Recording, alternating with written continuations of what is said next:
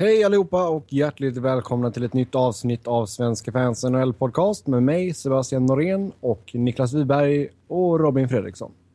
Hej på er två först och främst. Hej! Tjena mors. Ja, det händer grejer nu bland lagen som inte tog sig till slutspel.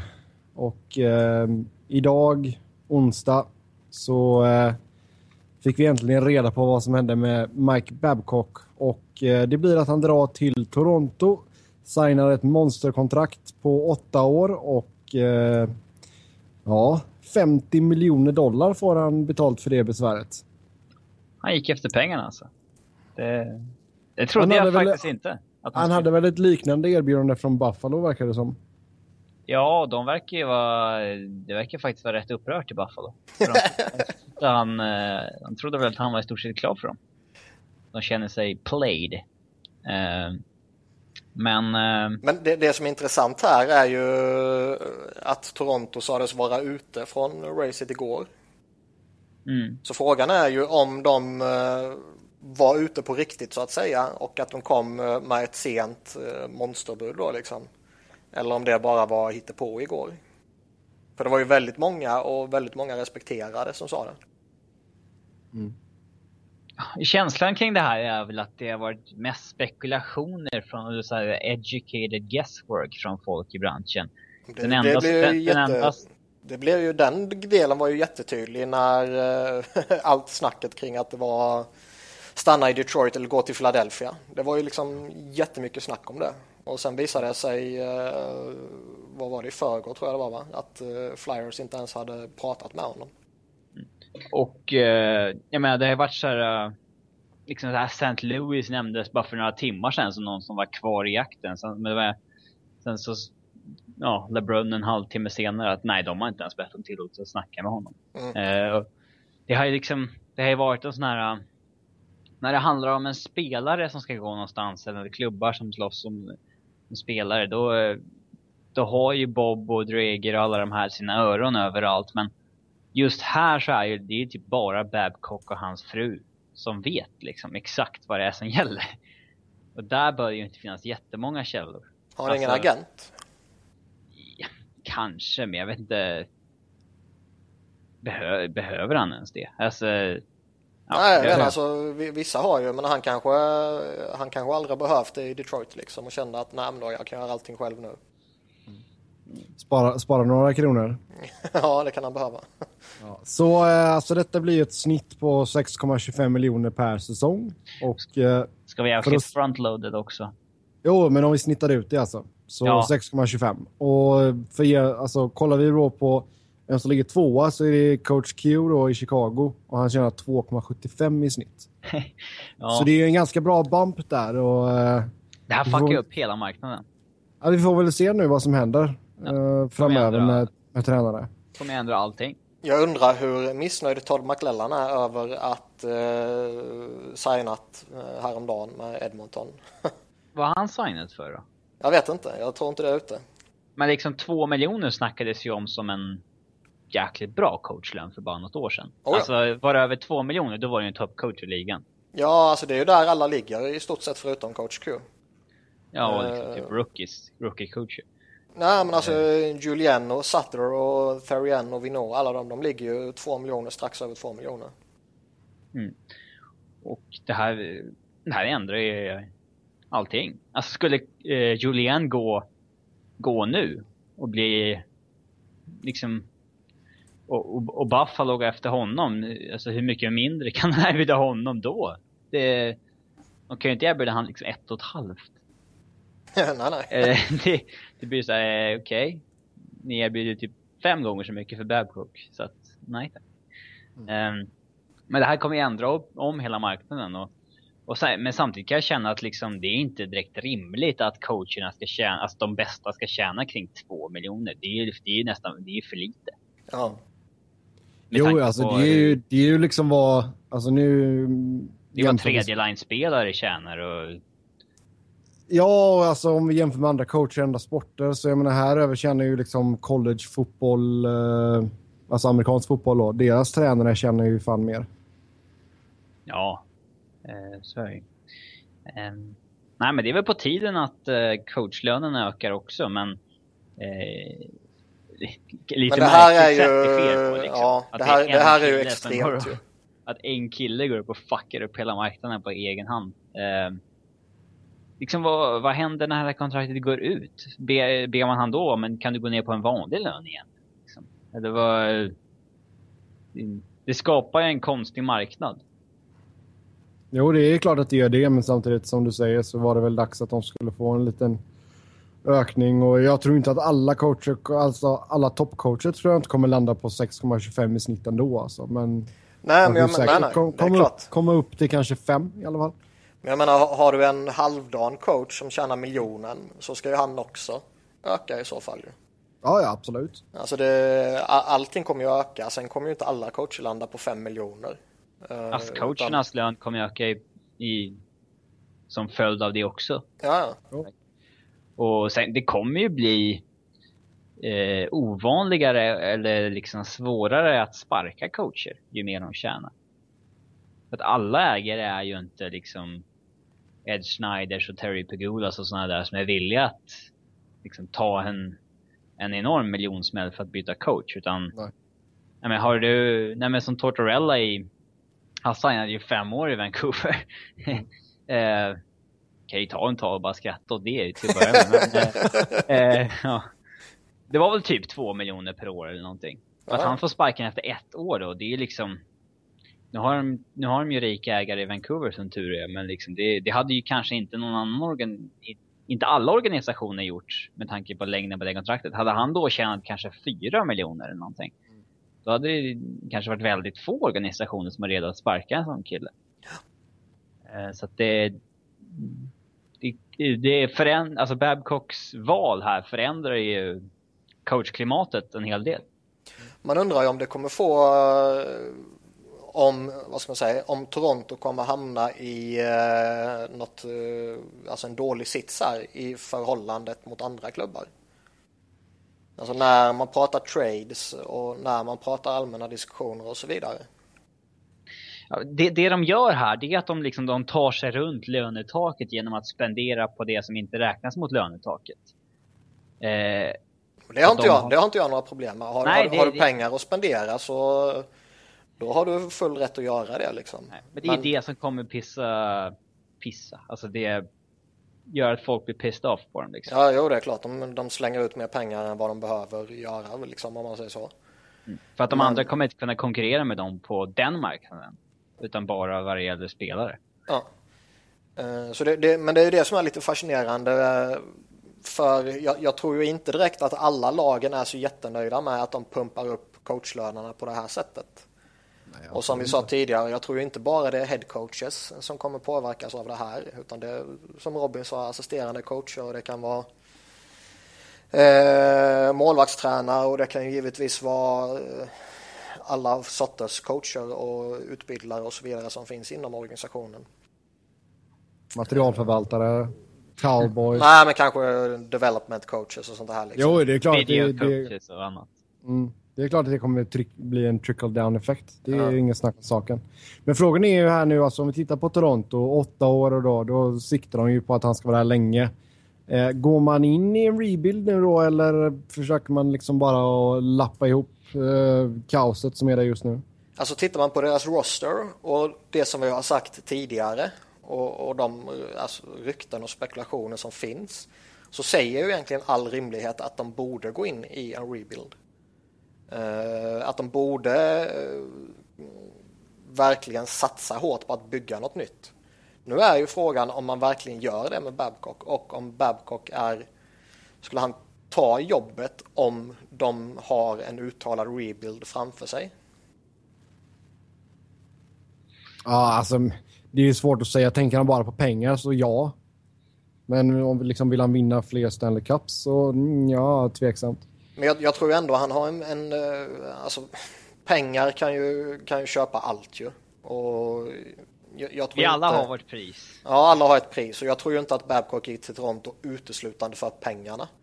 Man ska komma uh, ihåg att det är jäkligt nära mellan Detroit och Toronto. Och det, det, var väl lite snack om att frun inte ville flytta från Michigan.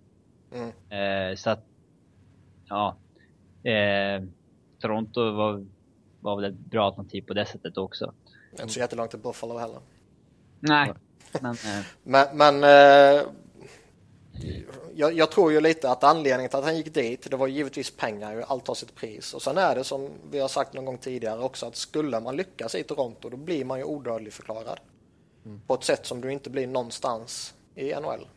Så det är ingen som har lyckats i Toronto på typ 50 år, så det kan vi inte veta om. Jo, men det, det, det är jag rätt så övertygad om att det skulle bli så. Ja, men liksom... Ja. Jo, men vadå, nästa gång de vinner Stanley Cup, hela det laget kommer ju bli gudaförklarade. Ja, säkert. Ja, och se att Babcock kommer in och styr upp det och så vinner de kuppen om fyra år liksom. Då, då är han gud ju. Men tror ni att detta köper laget lite tid nu? Med tanke på att man tar in så pass... Ja, man ska göra. Bästa coachen i gamet liksom. Eller, alltså, tror ni, eller tror du att fans går bara, ja men nu har vi Babcock, då ska vi vara i slutspel nästa säsong? Ja men alltså, skickar de Kessel of enough, då är det ju... Då tror jag inte att det kommer att vara någon krav på att de ska gå till slutspel överhuvudtaget liksom. Nej, nej. All, alltså, allt har att göra med vilken inriktning man tar nu. Om man går in i en rebuild och en rebuild är ju inte, vad ska man säga, de står ju inte rustade nu för att gå in i en snabb och kort rebuild. Alltså det är inte nej. så att de har ett gäng prospects på uppgång som man verkligen känner att nej, men ge det här två år, sen kan de vara med och konkurrera igen. Mm. Eh, utan de har ju verkligen ingenting om man ska vara eh, överdriva ja. lite. Ja. De har ju William Nylander och lite så här men de, de har Billy. ju väldigt få på gång om man säger så. Mm. Eh, Morgan Riley är den stora. Jo men han är ju, ja, han räknar ju inte eftersom han redan är inne i NHL. Mm. Men eh, så, så där är ju frågan då om, eh, om man går in i en rebuild kommer det ta två år eller kommer det ta fem, sex år? det kommer in, ja, det är inte en kort rebuild, men eh, Nej, exakt. samtidigt som vi, vi såg ju för, det är det nu, det blir ju fyra år sedan när äh, när Paul Holmgren skickade Richards och Carter för Channy Couturier, Voracek och Simmons. Skulle man göra två liknande trades med Phaneuf och Kessel, då är man ju helt plötsligt ja, ett, ett, lag att räkna med helt plötsligt. Eh, men... Den, den, stora skillnaden som finns där ja, de är väl, Nej, precis. Jag, jag ser väl inte riktigt den arvtagaren i Men de laget. har JVR. Ja, men han är inte den, han är inte den man bygger kring. Nej, men eh, ja, då blir man ju av med Kessel också så att säga. Eh, ja, jo, det är klart. Att, det, ja, man, man, på något sätt så hoppas man ju att det vore intressant att se Kessel bli kvar där nu. Man undrar ju vad Babcock skulle göra med honom. Skulle han liksom fortsätta sätta Bosak med honom? Eller liksom... Mm. Eller jag, vad kommer jag, han göra liksom? Jag tycker det vore skoj att, uh, att se dem köra vidare med det här laget. Kanske någon, någon, någon, justering här och där. Man kanske behöver göra sig av med Joffrey Lupul till exempel. Uh, och lite sådana där små, små pyssel. Men eh, att plöja vidare på det här och, och se vad eh, vad ligans förmodligen bästa coach kan göra. Mm. Eh, sen om man är utanför slutspelsplats liksom kring ja, trading deadline helt enkelt. Då, då är det ju inte bara pending UFA som man ska överväga utan då är det ju liksom då är det Kessel och dem som... Ja, då, då, kan, då kan man börja rensa. Ja, då kan man liksom börja titta på det där igen. Um, för jag, tyck, jag tycker lite, alltså tittar man på, på Babcock de senast, eller ja, hela hans tid i, i Detroit, men framförallt här mot slutet så var det ju inte, och det är som vi sagt tidigare, det var ju inte alltid så att han var den som jättegärna släppte fram kidsen jättetidigt. Nej. Eh, för jag tror ju inte att han stod och bankade på Hollands eh, dörr och sa att nu måste vi slänga in kidsen och Holland sa nej nej. Det var väl någon, eh, något tjafs mellan de två i fjol i alla fall när Uh, Babcock gick ut officiellt och gnällde lite på att uh, Holland hade kört över honom när det gällde uh, han franska backen i Detroit, uh, Javier Olé. Mm. Att Babcock ville ha honom i NHL och Holland ville ha honom i AHL. Det var då, um, jag tror att det var han det gällde i alla fall. Eller om det var Marchenko. Så att, ja. Det, det kan ju ha varit liksom mer Ken Holland och hela Detroit-filosofi än just Babcocks egentligen. Men, Men sen samtidigt, alltså har du en sån framträdande coach så kör du inte över honom så brutalt. Visst, du kan göra det någon gång här och där, men inte i ett helt upplägg över jättemånga säsonger. Men liksom i Detroit, där blir man ju aldrig större än deras front office liksom, oavsett vem, vilken coach man är. Om man inte heter Scotty Bowman typ. Jag förstår, jo, jag förstår vad du menar. Och, alltså han får ju mer makt vart han än skulle gå än Detroit. Ja, det tror jag. Eh, och som sagt, jag förstår vad du menar, men jag tror fortfarande inte att det var den ena eller den andra ytterligheten. Utan jag, jag, tror väl känslan man får och framförallt känslan vilka spelare han har spelat och vi har ju lyft det här Cleary-exemplet i så många gånger så det blir tröttsamt att säga det ju. Men Nej, säg det finns, det finns ju tendenser, det finns ju tendenser till att uh, han gärna spelade veteranerna. Mm. Och tror... frågan är ju då om han är den här som man verkligen går in i en fullskalig rebuild med. Nej, för liksom ska han coacha i en rebuild, då coachar man ju inte för att vinna, det coachar man för att kidsen ska bli bättre. Ja. Sätter, sätter dem i rätt situationer och så vidare. Och, eh, man har aldrig sett Babcock i den situationen, så det vet man ju inte hur han skulle hantera. Mm.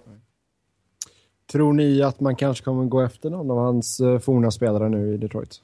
Ja, Cleary blir ju FA, tror jag. Så att... Eh... Ja, det skulle vara något.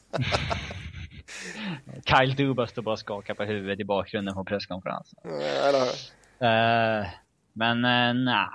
Alltså grejen är att de, de spelarna han eventuellt skulle vilja ha med sig ser ju inte jag som aktuella. Alltså Datsjuk, Zäta, eh, Kronvall, alltså de spelarna som man verkligen har byggt eh, Detroit kring. Och jag, det, det, ja. det, ser inte jag som aktuellt att Detroit släpper. Och, och de här eh, Nyqvist och Tatar och alla de här lite yngre lovande, de ser jag ju inte heller att man släpper. Nej, jag har faktiskt svårt att se vilka, som, vilka det skulle vara som liksom skulle följa med på ett så sätt. Alltså, man, visst, man vet ju aldrig vad som händer med liksom en Darren Helm eller något sånt här. Men det är ju inte någon sån där spelare som det är superviktigt Trade för Babcock att ta för. Nej, och det är inte jätteviktigt att ta med sig honom liksom. Detroit slänger in Kyle Quincy på köpet. Men det hade varit intressant om någon typ offersheetar Nyqvist eller något. Mm, nej, vi får se vad som händer. Även snack om att man eh, ska ta in eh, Guy Boucher som en eh, assisterande coach. Ja, lite... Ja, snacket går väl att han intervjuades för headcoach-jobbet så sent som igår. Men så tackade ju Babcock ja idag. Så att eh, de, de vet inte riktigt vad som händer där då. Eh, men eh, skulle jag vara Guy Boucher skulle jag ändå kanske se ett värde i att gå in och coacha alltså med Babcock så att säga. Liksom ta ett år med honom och se och lära liksom. Eh, och det hade ju varit ett, alltså vilket enormt styrkebesked för Toronto för liksom 14 månader sedan så var de the laughing stock i hela NHL och nu nu har hon sparkat ja, alla. det är ju det som är så ja, också. Ja, men de liksom tar, Verkligen rensat hela huset. In, ta in respekterat namn efter respekterat namn och liksom ungt och spännande namn efter ungt och spännande namn. Det är liksom de, skulle de få in en Guy Boucher som liksom högerhand till Babcock också då det, ja, det hade varit jättebra för Detroit, eller för Toronto. Men äh, ja, jag vet inte om Guy Boucher kommer acceptera ett ASK-jobb i ett rebuild-lag. Det beror väl på lite som vi sa där med lönechecken också. Ja, för fem miljoner per år. Typ. Ja, exakt. ja, vad händer i Detroit nu i frågan, självklart. Um, hade de presskonferens här idag eller? Ja. Men det var ju bara sån här eh... kommentera att Babcock lämnar presskonferens. Mm. det, det de har sagt är väl att de, de har ju Jeff Blasil i AOL som ju är jättehypad och verkar enligt alla rapporter vara väldigt kompetent. Och eh, han har väl alla sagt är huvudalternativet till att ta över nu. Och Ken Holland sa väl att, eh, eh, att han ska prata med honom Eh, de är ju mitt uppe i AHL-slutspelet nu så någon gång här ska han prata med honom och beroende på hur det snacket går så kommer han eventuellt prata med en eller två andra typ. Mm. Så allting tyder väl på att, han, att det är hans jobb att förlora om man säger så. Jag hoppas de tar honom. Det vore intressant att se. Sen är väl känslan att tar de inte honom så kommer någon annan göra det. Ja, då kommer Tim Murray vara där och nafsa eller någonting. Men... Mm, det tror jag många kommer göra. Ja, med tanke på hur hypad han är. Mm. Eh, men, men, det vore intressant om de, eh, eller jag hoppas de tar honom. Eh, det blir framförallt liksom, det är klart att Detroit hade velat haft kvar Babcock, men som utomstående så blir det intressantare att följa Detroit nu. Eh, hur de hanterar det här, så att säga. Ja, alltså lyfter de upp honom nu? Alltså nu har han gjort det bra med vad är det, Grand Rapids. De är mm. väl i, ja, de är i konferensfinal här nu. Mm. I Color Cup. Ska ta sig an antingen uh, Utica Comets, där vi har Jakob Markström, eller Oklahoma City Barons. Ja, det blir en stor skillnad nu för Babcock i alla fall. Han har haft ganska bra spelare att luta sig mot i Detroit med uh, Henrik Zetterberg och Pavel Datsjuk. Och nu blir det Nazim Kadri och Tyler Bosak istället. ja, det är lite eh, anpassning som krävs tror jag. Eh, från att ha byggt hela sitt lag liksom på eh, jätteframträdande stjärnor, alltså Lidström och, och Kronvall och Zäta och Datsjuk och så vidare så har han ju inte riktigt den klassen numera. Nej, kan man väl inte säga. Mm. Sen tycker jag väl fortfarande att det finns mycket, eller mycket, det finns en hel del positivt i Toronto. Så man ska inte eh, snacka som att det är världens skräpgäng, det är det ju inte.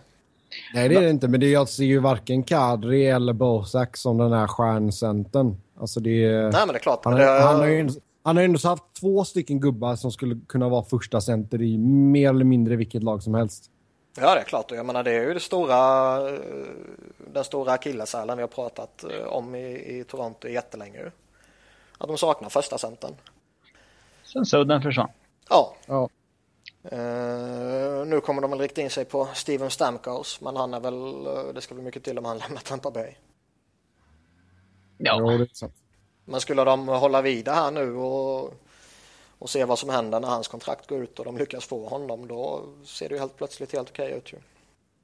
Det är ganska långsökt. Så det är... Ja, det är jag helt övertygad om att det inte kommer ske. Men jag menar tanken är ju rolig att leka med. Mm. Men tror du man får lättare att knyta till sig spelare nu då, när man har Babcock?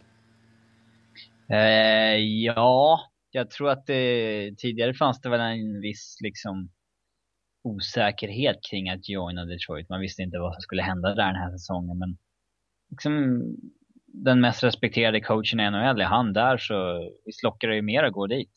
Men vi ska ju komma ihåg att Babcock har ju inte varit den här alltså tok-populära coachen bland de egna spelarna. Men, eh, Men kommer, kommer han med resultat så kan man ju stå ut med en, eh, en krävande och intensiv och jobbig coach liksom. Ja. Det, jobb, det eh, jobbiga blir ju om resultaten inte kommer. Ja, alltså de, de, de, de, de flesta spelarna, de flesta spelarna fungerar ju så att det, du kan ju hata coachen men så länge de vinner så är det lugnt. Ja, och så länge du själv får spela. Mm. Om det nu handlar om att vinna för Toronto, vi får ju se. Ja, men spelare kommer ju alltid vilja vinna. Ja, det tror jag. Sen om, sen om mm. liksom, organisationen väljer, det tar Buffalo liksom, jag tror fortfarande spelarna på isen vill vinna denna säsongen.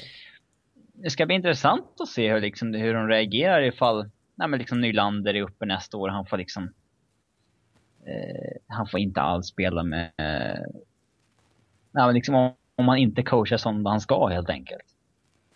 Eh, Lite som Tampa Bay och Drouin. Ja, ja, lite så. Och de är ändå inte, liksom, det handlar ändå inte om att vinna för Toronto nästa år. Och så, liksom, hur...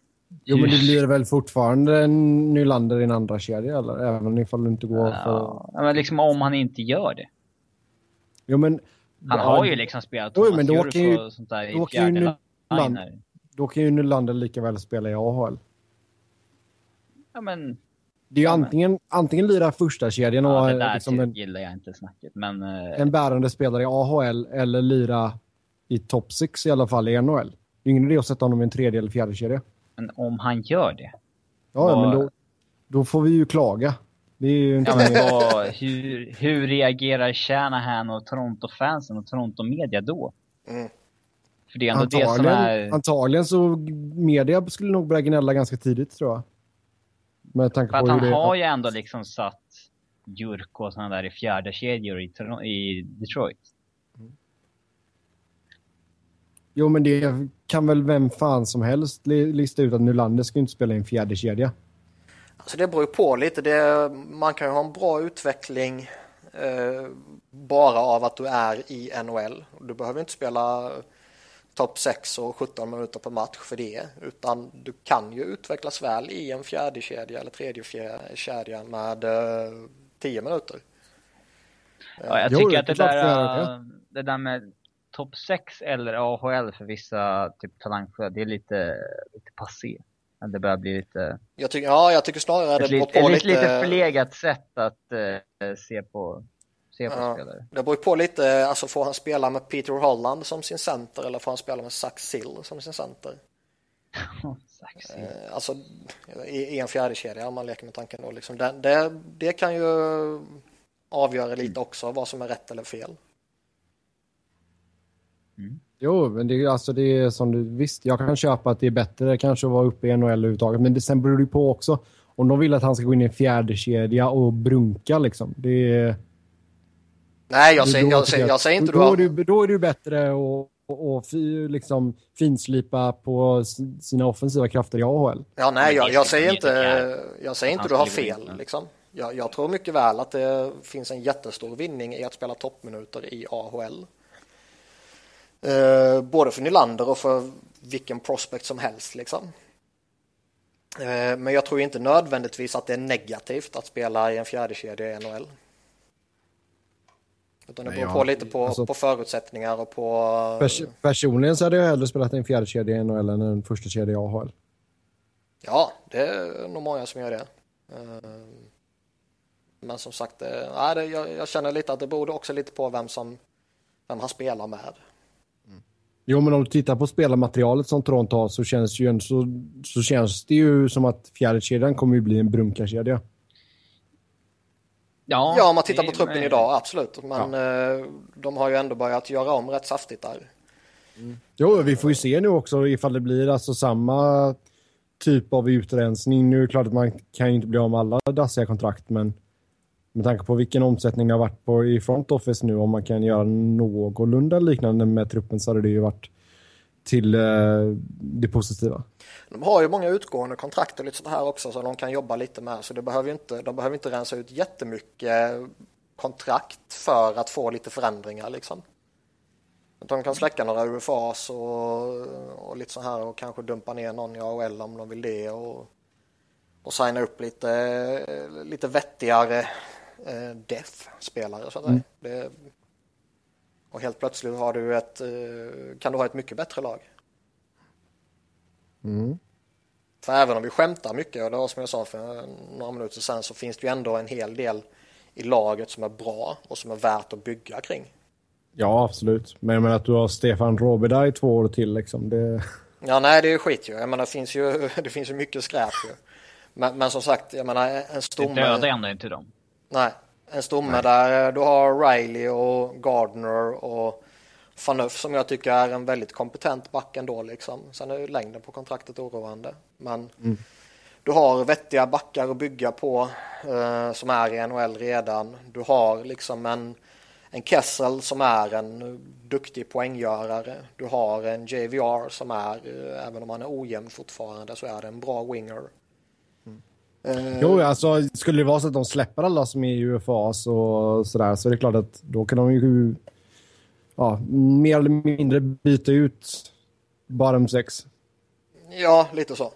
Så man kan ju och sen lyfta upp någon från AHL och lite sånt här. Så jag menar det finns ju vettiga eh, vettiga pusselbitar för Babcock och company att jobba med. Sen är det ju inte uh, bara för att han kommer dit så går de ju inte att bli ett slutspelslag sådär bara tror jag. Nej. Även om jag håller honom väldigt högt. Vad tror ni de kan få uh, Joffrey Loophole och wava sin no trade clause? Alltså jag vet inte vem som skulle... Jag vet inte vem som skulle vilja ha honom. Är det något lag som måste över lönegolvet? Fast kontraktet är så långt också. Han har tre säsonger till. Ja. Skulle han kanske haft en eller två säsonger då tror jag inte det skulle vara några problem överhuvudtaget. Eh, men han börjar bli hyfsat gammal och han är som alla vet väldigt skadebenägen. Mm. Så alltså liksom... är du en contender skulle du inte våga lägga sådana där pengar på honom. Nej, och Arizona tar som typexemplet när man pratar alla som behöver komma över lönegolvet. Eh, jag vet väl inte riktigt om han är den spelaren de ska ta. Utan ska, alltså... de, ska de ta på sig dåliga kontrakt så ska det ju vara korta kontrakt. Mm. Ja, det är lite... Det, det, funkar inte riktigt för någon där. Det är liksom... Det är inget kontrakt som en contender vill ta och det är lite för långt för någon som bara vill över lönegolvet för att ta. Ja. Det är... Ja. Det är väl... Kö, köp ut honom. Ja, det vet jag. Ja. Men... Eh, ja, det, mm. det, han har ju en jävla lön i år också. 6,7. 6,75. Men mm. eh, alltså de får väl eh, liksom försöka spela honom i offensiva situationer och försöka hålla honom frisk och att han ska liksom bli het. Då kan man flytta på honom. Driva upp värdet, ja, typ. Mm. Ja, eh, om vi lämnar Toronto där då. Det kommer, detta är inte slutet på deras saga i sommar. Eh, det kommer att hända grejer. Oh, ja. Buffalo, Buffalo då, de eh, sades ju då när mer eller mindre ha någonting klart med honom och nu var man lite arga och sådär. Eh, vem ska de gå efter nu i frågan? Ska jag kasta ut lite namn så får ni säga ja eller nej? Ja, kör på. John Tortorella. Ja. Nej. Och när jag säger ja så säger jag ju för min del, inte för deras del. ja. Nej, jag tycker inte de ska ta tårtan. Uh, Dan Bilsma. Nej. Hade inte varit horribelt, men inget första... Nej, något sånt. Mike Keenan. Nej. jo, det vore Jag tror inte att Tim Murray skulle gå efter någon sån old school. Coach. Nej, det tror inte jag heller. Andy Murray. Andy Murray. Uh, nej. Ron Wilson. Nej. Mark Crawford. Nej. Fan vad tråkiga namn du säger. Åh, kanske. Får jag slänga ut ett namn? Ja, men det är, jag tar ju en så de lite större namnen som liksom är eh, available liksom. Keenan hade varit ganska roligt. Eller? ja, sjukt coolt. Ja, men inte lämpligt. eh, Luke Richardson. Vad tror ni om det? Han har ju tuggats lite om till och från nu. Mm, ja, det känns ju som... Eh, det, det, känns ju definitivt som att Tim Murray... Om han inte kunde få Babcock så, så... Det är väl mer troligt att han går efter någon ung, okänd, oerfaren. Han är ju tillräckligt smart för att eh, skita i om de är erfarna eller inte. Jag mm. Det, experience is overrated är ju nya modedängan.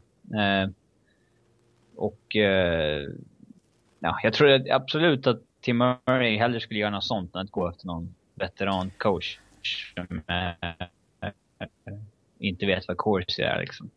Det intressanta här nu annars med hela den här situationen och som vi kommer komma in på så småningom. Det är ju vad som händer med Claude Julien. Eh, alltså vill man ha Eh, nu tappar jag namnet på Mike Babcock heter han ju. Vill man ha Mike Babcock då är det väl kanske inte helt omöjligt att man vill ha en Claude Julien om han blir tillgänglig. Så frågan är om man vill och vågar och ska göra någonting innan man vet vad som händer med han i Boston. Ja, vi får se vad eh, Buffalo hittar på nu när man får eh, se sig efter någonting annat. Då Babcock är i Toronto. Claude Julien kan ju vara ett namn. Och med det så går vi till Boston där man har utsett eh, Don Sweeney till ny general manager. Och eh, hur tror ni han passar in i, i Boston-bygget och eh, hur tror ni han skiljer sig mot eh, Chiarelli? Eh, jag tror att han, eh, alltså intrycken man får och känslan man får är ju att han, eh, vad ska man säga, kommer, eller att han inte är ensam givetvis, men de nu kommer gå tillbaka till att försöka bli det som gjorde dem till den här maskinen för några år sedan. Alltså Big Bad Bruins. Mm. Det tror jag. Mm. Och jag det är alltså de, de har ju lite att pussla med ändå, alltså det är inte... Nej, jag tror inte det är rätt väg för dem. Att gå och bli tunga och stora och liksom eh, massa sånt där. Utan eh, alla tendenser man ser i ligan är ju bara speed, speed och speed liksom. Det är bara att titta på lagen som är i slutspel. Eller kvar i slutspelet nu. Jo, men jag tycker kan man, kan man kombinera den speeden med tunga pjäser så det är ju... Ja, det är klart. Alltså, jag menar, riktigt bra. Jo, givetvis. Alltså bygga en forwardbesättning som har eh, en eller två Milan Lucic, liksom, det är inget fel i det. Eh, men bygga en forwardsbesättning som bara har sådana som wingers eller en forwardsbesättning som bara har uh, stora tunga backar, liksom. det tror jag inte på. Ja, nej, nej. Stora tunga backar är då ja, kan de inte åka skridskor så blir det ju problem. Mm. Det, har, har de ingen nykära på G så blir det svårt. Då, ja, tror jag. Ja, det, ja, det är jäkligt sant. Ja, Kära har de ju tre år kvar. Ehm, det är, ja. Han börjar se gammal ut. Han börjar se riktigt gammal ut. Ja, det är klart han är. Han är riktigt gammal så det är inte konstigt. Mm. Men, men jag, jag, tror som sagt att de, de kommer att titta tillbaka eh, lite det klassiska som Ed Snyder har gjort i, i Philadelphia tidigare. Att man kommer att titta tillbaka till varför man eh, blev framgångsrik förr liksom. Och eh, satsa på det istället för att eh, titta på eh, vad man behöver ha för att bli framgångsrik nu. Tror ni att Sweeney kommer att eh, behålla Julian? Det var inte så att han gav honom världens bästa endorsement där när han eh, gjorde sin presskonferens. Uh, man får ju verkligen känslan av att han inte kommer vara kvar. Samtidigt så kan det ju bara vara en, uh, vad ska man säga, en orutinerad ny GM som uh, vad ska man säga, som menar en sak men som råkar säga det på ett annat sätt. Att han menar att ja, jag måste sitta och prata med honom men jag vill ha kvar honom. Ja, men då formulerar han sig väldigt klumpigt skulle jag vilja säga. Ja, men... Men, alltså, men samtidigt, alltså grejen är så här, Julian nu, nu ser han att Babcock får betalt snuskigt mycket pengar. Uh, han kanske inte blir jätteledsen ifall han får kicken. Kan han, signa, kan han gå och signa med Buffalo och få tjäna fem miljoner om året? Eh, ja, absolut. Det är klart att får han sparken kommer han inte gå arbetslös om han inte själv väljer det så att säga. Eh, det är jag helt övertygad om. Men... Eh, Oddsen där ligger väl på en vecka typ? Eh, ja, alltså det är ändå ett gäng lag som behöver coacher. Så det, där behöver han inte oroa sig tror jag inte. Men eh, det är som jag sagt lite tidigare. Det, frågan är ju om de har Eh, om de har den rostern som man kanske behöver för att Claude Julien ska få ut max av Boston. Mm. Jo, det är så. Alltså, jag, jag sitter och tittar på uh, vad man har här just nu. Alltså, det är... Lucic är ändå så inne, kommer ändå så vara på sitt sista år här nu. Uh, och vissa andra spelare som är lite så halvsuspekta på om man ska liksom resigna eller försöka göra sig av med. Och det är tufft utan de ska alltså ta in tunga pjäser och sådär. Ja, det vet fasen alltså. Är... Nej, jag tror de kommer köra vidare på den stommen de har. Mm. Eh, stommen de har är ju fortfarande tillräckligt bra för att eh, vara ett slutspelslag. Sen kommer de ju behöva, när de väl går till slutspel igen, så kommer de ju behöva att deras deras Bergeron och Krejci och Lucic och fortfarande Chara liksom att de verkligen maxpresterar. Uh, för jag ser ju inte den här rostern uh, på ett kvickt och enkelt sätt gå till att bli en supercontender igen. Nej, då ska man nog träffa rätt med både en och två trades och något draftval. Så eh, vi får se vad som händer där. Men eh, säg att Julian får kicken här nu då. Ska man ta in alltså någon alltså kortsiktig lösning eller ska man försöka ta in någon som liksom kan sparka spelarna i röven lite? Då tänker jag Tortorella. Eh, alltså jag vet fan, jag skulle ju vara rädd för att ta in alltså, Tortorella generellt. Generellt sett vill jag bara se Tortorella i ligan igen. Jo, det håller jag med om. Jag skulle jättegärna se honom i, i, i Boston, men inte för Bostons del. Um... Ska man bygga den typen av lag så finns det väl inte så jäkla många coacher att välja med. Nej, det är ju det. Och frågan är ju om man ska bygga, för det är lite som jag sa tidigare, jag, jag ser väl inte riktigt Julien bli eh, alltså kunna spela exakt samma sätt som, som gjorde dem bra tidigare. Det har de inte en roster för och jag tror det är eh, lite fel väg att vandra i dagens NHL också. Eh, så frågan är om man byter coach, om man ska köra vidare på ett liknande upplägg eller om man ska försöka korrigera lite. Eh, jag har ju tidigare sagt att så länge man har Chara så bör man ju spela på det sättet men eh, jag vet inte, jag börjar svänga lite kanske. Jo, men är, alltså är Chara tillräckligt bra fortfarande? Alltså han, han kan ju fortfarande spela där men... Eh, ja, alltså han, kommer ju fortfarande kunna hålla i NHL ett par år till. Det, det... Jo, hålla ja, men vara en, alltså en ledare. Alltså vara...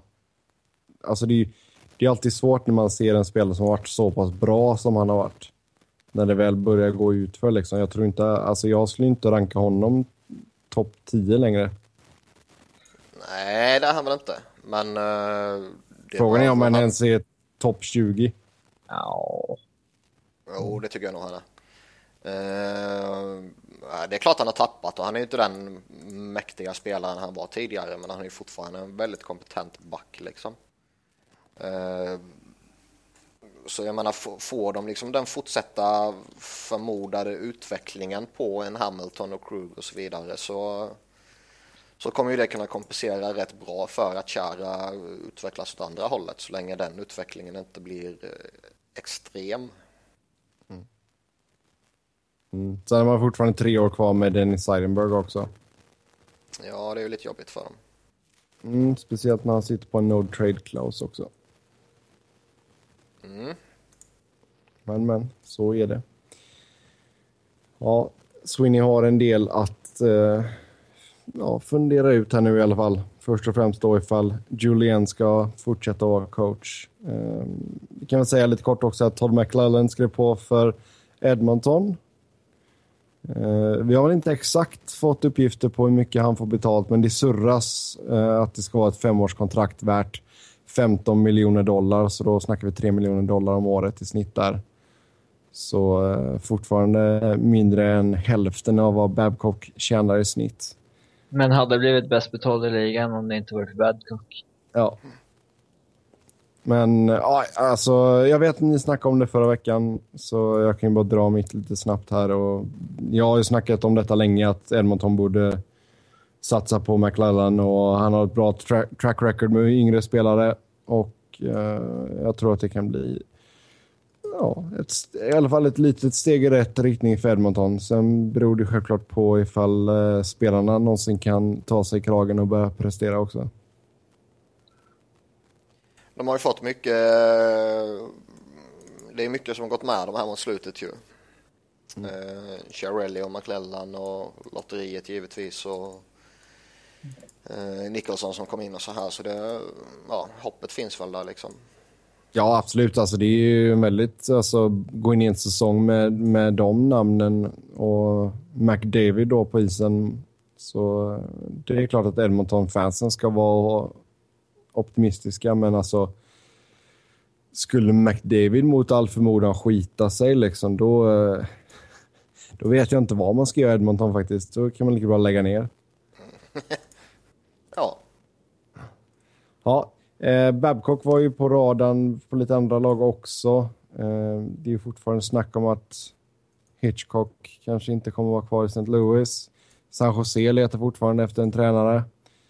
Eh, om ni skulle ta och sätta er in i GM-rollen där för de två lagen, vad, vilken typ av tränare skulle ni titta på nu när Babcock och McLellan inte är på marknaden längre? Hade jag varit Blues hade jag nog hållit kvar Hitchcock i alla fall. Med tanke på alternativen som finns. Uh, San Jose. Det finns väl många uh, intressanta namn för dem. Det känns ju så svårt att diskutera San Jose. Man vet inte alls vilken riktning de kommer ta. Och de kommer liksom ja, falla igenom fullständigt nu efter det här. Men mm. Nej, men jag tror att alltså, skulle man fortsätta med den alltså, coren av spelarna man har med Joe Thornton och Patrick Marleau så, då, så. Behöver, då får du nog ta in en ganska respekterad kille. Jag tror inte att det går in att komma in med någon, någon rookie från AHL eller någonting. Utan då behöver du någon som, som är lite larger than life och kan liksom, kan, ja, inte sätta Joe på plats, men alltså det får inte vara en kille som, som inte låter Joe ta, alltså, ja, vad ska man säga? Som inte låter Joe ta över omklädningsrummet. Alltså, ja, alltså jag förstår ju vad du menar, men jag tycker ju liksom, har, du sådana problem eh, med spelare och att de inte kommer underordna sig en en, eh, ja, en färsk coach liksom, då, då ska du göra dig av med spelarna. Jo, det, det har de försökt också, men Thornton kan ju bara säga nej. Ja, det, och så sätter du det, och så det, tvingar du honom till någonting. För jag menar, du, du kan ja, inte ha en ja, sån ju, spelare Wilsons, på...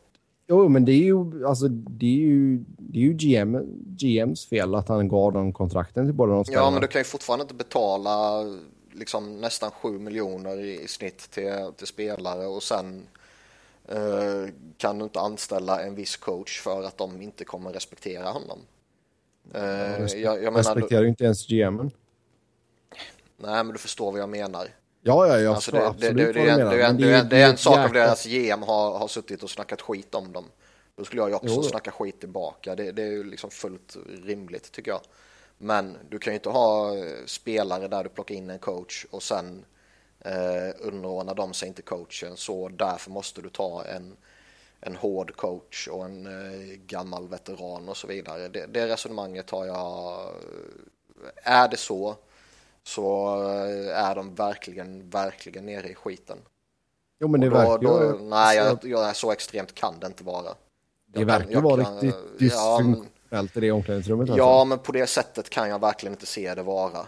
Eh, jag, jag, det måste vara extremt få spelare i ligan som är så självupptagna att de bara kommer att lyssna på liksom Babcock och Julian och, och den klassen liksom. Det ser jag verkligen inte vara eh, i San Jose. Jag vet inte, jag kan inte säga att jag har fått något gott intryck av Joe Thornton här de senaste två säsongerna liksom. Eh, det beror på. Han har väl eh, visat en, på, vad ska man säga, på ett sätt har han visat en skön avslappnad eh, attityd mot allt och alla. Å andra sidan så eh, har han väl visat en, eh, en attityd som tyder på eh, frustration och, och allt däromkring. Jo, alltså jag kan köpa att det är kul att liksom höra att han ska slänga fram snaben ifall han gör fyra mål och sådär, men... Men det är ju äh... ingenting. Det var ju någon som pratade, alltså det var ju off the record och allt sånt här. Så det tugget sker ju i omklädningsrummet ju. Alltså förväntar man sig att sådana saker inte pratas i ett mannings omklädningsrum oavsett om det är NHL eller om det är i korpen här hemma i Sverige så alltså har man inte de förväntningarna så vet man ju inte hur det ser ut ju. Så det bryr jag, mig, det, bryr jag mig inte. Jag menar ju med att Jo, men jag tycker sin... det var, skön, det var ju en skön kommentar och det visar ju ändå så att han... Det är en avslappnad kille liksom. Men när han liksom går och säger att GMen borde liksom hålla käften, det... Ja. Nej, jag tycker det är helt rätt med tanke på att uh, Wilson hängde ut honom först. Ja, jag, alltså jag tycker inte det Wilson gjorde var rätt heller, men det, det är ju inte bra för ett lag när GM och ja, din forna kapten blir det här då, uh, hamnar i öppet bråk mer eller mindre. Sen, Nej, det är visst, klart det är skitdåligt. De, de, de säger ju att de har snackat ut om det och jada jada, men det är ja visst. Jag tror fortfarande inte så att de kommer semestra ihop liksom under sommaren här nu. Nej, det är klart man ska ju aldrig ha, om, oavsett om det är två spelare eller om det är GM och spelare eller coach och spelare eller coach och GM så ska man aldrig ha folk som slänger skit på varandra i media. Det, det, är ju en jättedålig sits att vara i givetvis ju. Men eh, går en GM ut på det sättet, eller vem som helst för den delen ut på det sättet och, och hänger ut en, eh, en jävligt duktig spelare. Mm. Eh, då har inte jag några problem med att man hänger ut honom tillbaka. Ja, nej, vi får se vad som händer där. Som sagt, San Jose, stora förändringar kanske. Uh, litet steg tomma i alla fall när man sa hej då till McLellan, men det, det, känns som att det behövs en ordentlig omruskning i den spelartruppen om det ska bli något vettigt i det laget igen. Uh, nej, alltså, man kan, ju, man kan ju vinna med den kårens kvalitet liksom. Det, det borde man ju kunna. Uh, jo, men när man år efter år efter år underpresterar i slutspelet. Det är svårt att vinna ett slutspel. Ja, väldigt svårt. Sen är det, det är lite som McLellan sa också när han, jag kommer inte ihåg om det var när han eh, introducerades i Edmonton eller när han lämnade San Jose, minns jag inte. Eh, men det är lite som han sa att ja, men det är bra lag vi har mött också. Man får inte jo, det, det, det ska ju absolut. Sen har ju alla, alla har ju skrattat mot San Jose såklart och, och det med rätta under jättemånga fall. Eh, men det är ju ändå det bästa laget som ännu inte har vunnit om man säger så de senaste åren. Mm. Mm, nej, vi får se vad som händer. Nu ska Niklas få uh, berätta för oss vem Dave Hackstall är. Ny tränare i Philadelphia. ja. Är inte Hackstall GM? Fan vad du är tråkig. Ja, det var ju sämre än ett Göteborgsskämt faktiskt. Ja. Red ut vem som är Hextall och vem som är Hextall nu. Ja. Eh, vi kallar dem Dave och Ron helt enkelt. Ja. Eh, nej, men det, det, här är en snubbe som kommer från College Hockey University of North Dakota. Där han var 11 säsonger. Eh, har liksom ingen, eh, eh, vad ska man säga, ingen erfarenhet innan dess från att ha spelat topphockey eller något sånt här. Så det, du är en i NHL extremt färsk snubbe. Mm. Um, sen kommer han ju med en enormt stor erfarenhet från uh, college hockeyn. Så frågan är, det har ju diskuterats jättemycket och folk har ju slängt uh, fram och tillbaka att han har ingen NHL-erfarenhet och allt sånt här. Men uh, frågan är hur, hur, man väger ta liksom två eller tre säsonger som assisterande coach i NHL innan du blir headcoach. Hur väger man det gentemot en väldigt framgångsrik och väldigt respekterad college coach som har 11 års erfarenhet liksom. Mm. Uh, jag är försiktigt positiv till det här. Jag tycker att det är roligare och mer intressant och eh, vad ska man säga, det finns en högre potential i att man tar in en snubbe som Dave Hackstall eh, istället för att gå efter de här trötta, tråkiga namnen som eh, är aktuella nu när McLellan gick till Edmonton och man inte ens har pratat med Babcock liksom. Mm. Ja, just det. Vi ska säga att North Dakota går The Fighting Zoo. Uh, ja, och jag menar de gick ju till Frozen 4 och 7 av de här 11 säsongerna, vilket också ja, var de bäst har i ett sjukt, USA. De har ett de... sjukt bra hockeyprogram. Ja. Så han är ju, det, det är ju många som blev jättefrågade när han presenterade, så givetvis jag också. Ehm, men om man tittar på alla de som är utanför NHL, oavsett om du pratar juniorhockey eller collegehockey och så vidare, så är väl han en av de mer respekterade. Så det, det finns mycket att vara, vara positiv över och han säger alla de rätta sakerna under inledningen här och hur han vill spela och hur han jobbar med spelare och alltså folk har ju pratat med gamla spelare till honom och alla är ju jättenöjda och eh, pratar gott om honom så det finns ju jättemycket positivt här. Sen är det väl givetvis att den här eh, eh bristande erfarenheten är ju hur man än vrider och vänder på det. Ett frågetecken. Mm. Eh, han går från eh, säsong där han kör 40 eh, plus matcher till att spela 80 plus matcher. Den omställningen kommer ju säkerligen vara stor för hur han själv arbetar men också hur han måste få sina spelare till att arbeta till exempel. Mm. Så jag tror det är snarare mm. den omställningen som kan vara den stora frågan snarare än att han inte har NHL-erfarenheten på det sättet. Jag tror längre på säsongerna. En hel del bra spelare som har kommit genom det programmet ändå får man ju säga. Ja, det är lite Jonathan Taves och TG Oshie och lite sånt här så jag menar. Zach Parisi, Ed Belfer. Ja, men det var ju inte under honom. Nej, nej, nej. Men alltså jag, nu tittar jag bara över listan över Ja, men de skiter jag i. Notable alumnis. Det är intressant är vilka som har kommit fram under honom ju. Och det är ju bra spelare. Ja, det är en ren slump egentligen vilka som vilka som råkade hamna där när han var där. Det är mycket möjligt, men uh, Jonathan Toews kanske inte skulle blivit Jonathan Toews utom Dave Hackstall. Det har jag ingen aning om. Uh, men jag ser ju hellre att uh, han har haft ett gäng sådana spelare än att han inte har lyckats med guida någon vidare. Mm. Så jag, jag, jag, som sagt, jag, jag är positiv till det här. Jag, jag ser ju hellre Hackstall än liksom en DeBoer eller Carlisle eller Wilson eller någon ur det gänget liksom.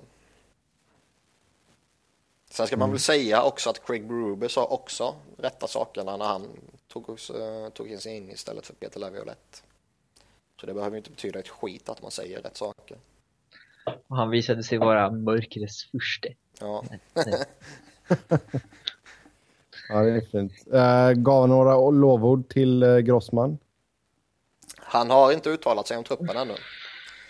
Utan han har, uh, han har väl sagt att ja, jag vill inte prata om det för jag måste lära känna dem först, jag måste prata med dem och så vidare. Och det, ja, det är väl rimligt, det har inte jag några problem med. Han har satt liksom så här generella att ja, men det är en bra core att gå fram med och lite sånt liksom. Mm. Sen är det ju Vanliga lögnerna alltså. Ja, nej men lite vanliga sådana här klyschor. Och jag tycker väl det är helt rätt att man inte uttalar sig om, om spelare och truppen eh, mer än lite så här allmänt innan man har pratat med dem. Nej, det kan jag köpa. Det, och det verkar ju vara en bra utvecklare som får spelare att eh, att fatta vad de måste göra, att köpa ett system och så vidare och allt vad det innebär och med tanke på att Flyers har en del unga spelare på uppgång nu så är väl det positivt liksom. Så jag, jag är försiktigt positivt inställd till det här, sen måste man ju se hur det, jag menar allting kan givetvis krascha. Mm försiktigt optimistiskt. Det är, det är mer än vad vi brukar höra från Niklas faktiskt. Udda känslan. Ja. Ja. Han brukar alltid vara det när det kommer någon nyhet. Eh, en annan nyhet så när det gäller Philadelphia är att Ron då har gått och eh, gjort klart med eh, Yevgeni Medvedev, den eh, ryska backen. Fyller 23, eller 23. Det hade Niklas nog tyckt varit gott. Men han fyller 33 nu i sommar. Eh, ett årskontrakt blev det värt 3 miljoner dollar. Vad har du att säga om eh, Medvedev? Nämnde vi honom förra avsnittet där när vi pratade om Nej. Nikolin? Uh, jag tror inte det. Zaitsev var jag inne på. Mm. Som det har pratats alltså, om det, också. Det är Medvedev och Nikulin som har varit de här ryska backarna som har varit med varit med hela tiden liksom i VM och OS och sånt där. Um, så att uh, uh, de har uppenbarligen hållit en, uh, en jäkligt hög nivå i KHL tidigare år i alla fall. Men ja, nu är jag, nu är jag ändå 33 så att säga. Så att...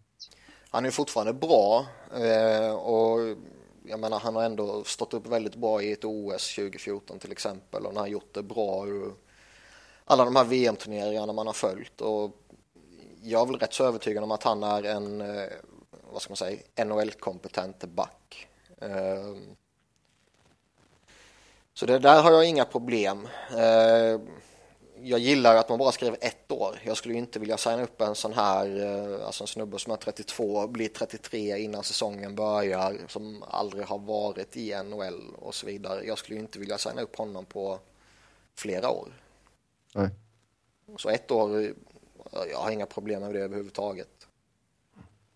Mm, han har ju tillbringat större delen av karriären med Ako Bars Kazan.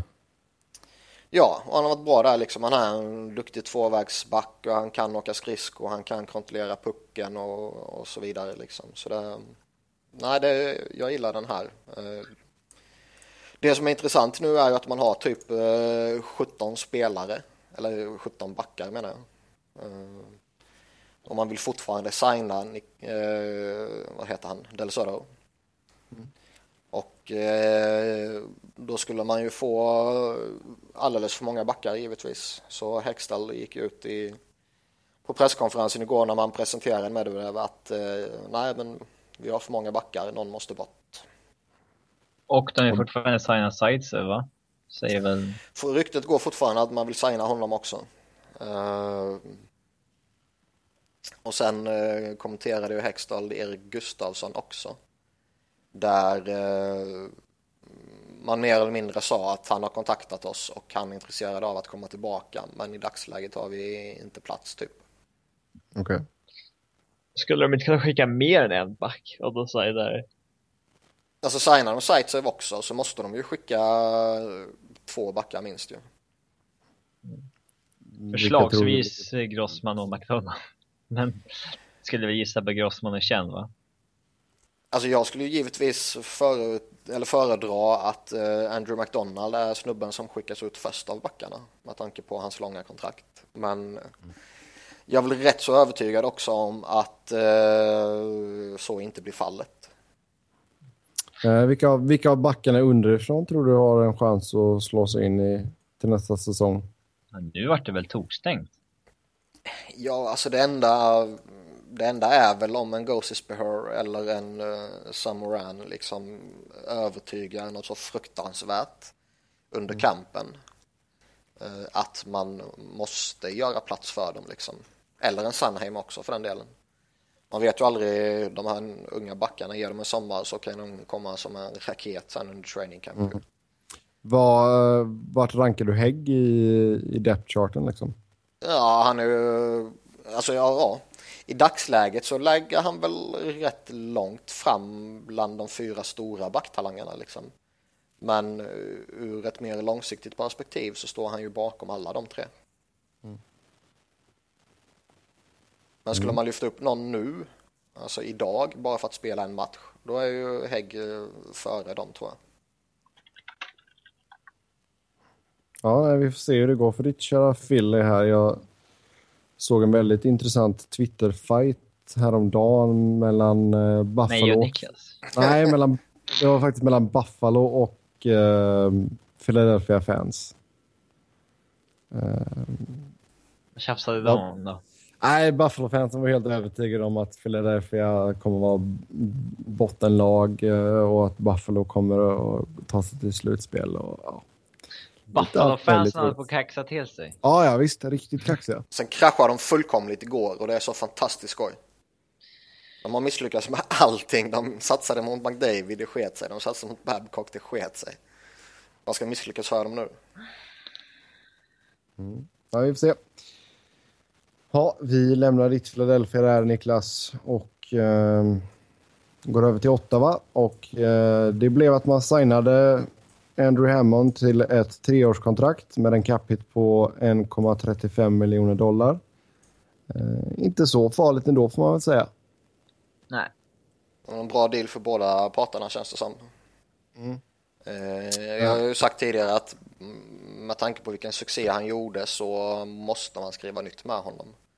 Mm. Och jag hade väl som, eh, vad ska man säga, som, eh, ja, i förhoppning att det skulle bli ett ännu större kontrakt. Och eh, tyvärr blev det ju inte så. Men det här är ju, det är ett bra kontrakt för honom, han får bra betalt med tanke på vad han har fått tidigare. Framförallt får han längd. Mm. Och det är ju inget problem för ett lag, oavsett vilket lag det är, att signa ett sånt här kontrakt. Nej. Nej, alltså enda grejen här är väl att det betyder väl att en av Robin Lehner och Craig Anderson kommer att försvinna. Förmodligen Robin Lehner. Mm. Jo, det känns väl som att Lehner är lite lättare att trada va? Ja, alltså det finns väl större intresse för honom. Um, och... Ja, därav lättare ja, att trada. Alltså, båda är nog rätt lätt att... Alltså, jag, jag, tror inte att Anderssons kontrakt är ett problem sådär, men eh, det finns nog ett större intresse för en 23-årig Lena. Eh, hos de lagen i alla fall som som behöver målvakt så tror jag att det passar in bättre med en eh, yngre än den äldre. Mm. Exempel Buffalo. De tar ju hellre liggande än Craig Anderson. Ja, ja, herregud. Men när vi är San Jose och snackar så tar väl de hellre Anderson kanske. Ja, möjligt. Vi får se vad de hittar på där. Man behåller Niem eller inte. Känns det som att det är dags för ett målvaktsbyte. Enklare sagt än gjort. Mm, jo, det har du väldigt rätt i. Det har väldigt rätt i. Ja, sen, men sen de signade ju, nu blankar jag på namnet. Um, en annan målvaktstalang. Conny. Mm. Lyssnade inte du på förra veckans podd eller? Väldigt lite. Okej. Okay. Skandal. Ja, ja, jag var upptagen med att köra, köra Lamborghini i Las Vegas. Det finns inget viktigare än mig och Robin. Nej. Jag hörde Simon lite. Ja, okej. Okay. Nej, så jag menar liksom man... Eh, man har en del lovande nu i systemet. Sen får vi se ifall Hammond kan följa upp den här dundersuccén som han gjorde när han kom in. Jag, han kommer ju inte hålla de numren en hel säsong, men... Nej, det är klart han inte kommer göra det. Ifall, ifall han kan pusha och bli en starter liksom ja, det, det tror jag inte.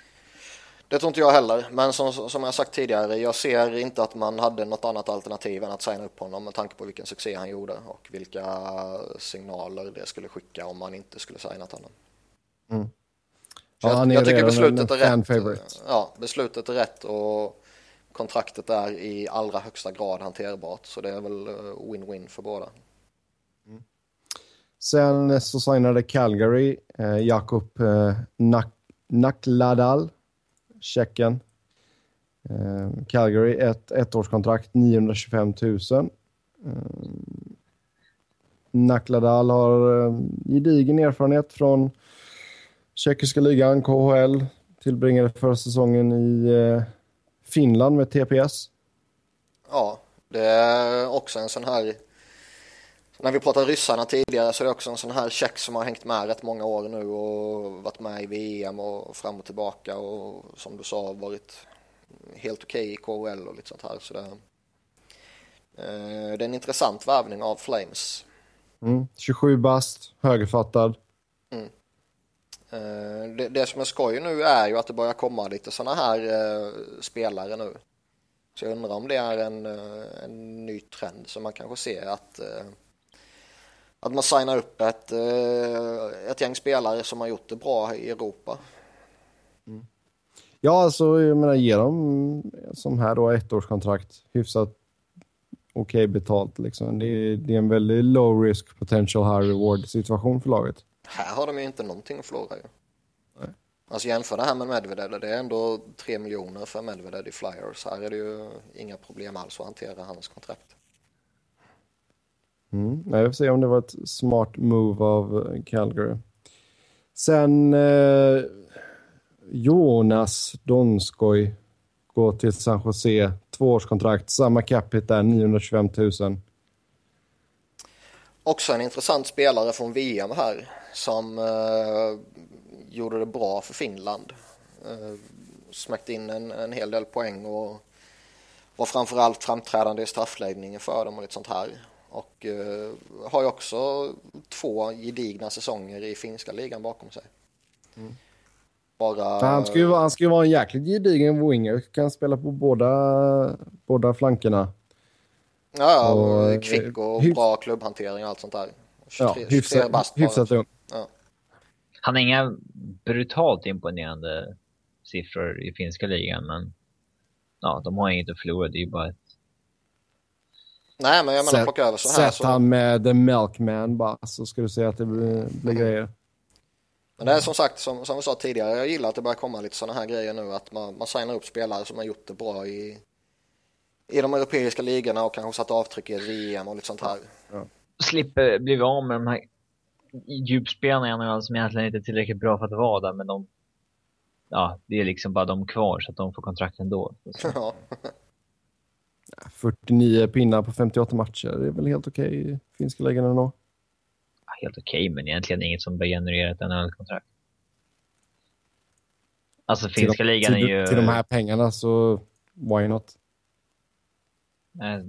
Ja, nej, jag tycker det är helt rätt. Ja. Uh, framförallt det han visade i VM tycker jag ju Sen, sen, om man ska gå och erbjuda någon baserat på, vad blir det, 8-9 matcher, det, det, menar jag inte. Men han visade ändå att han håller en nivå som, som förtjänar eh, att testas liksom.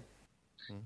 Finska ligan är lite märklig sådär. Det är många spelare som gör liksom jättemycket poäng, men sen... Alltså vi har Kim Hirschevich vann poängligan där i år på 58 poäng. Han har liksom misslyckats i Sverige två vändor. Det, Ja, veckans rubrik. Finlands hataren Robin Fredriksson. Ja, det är inga problem. ja. Bastufjoller. oj, oj, oj. Shots fired alltså. Det...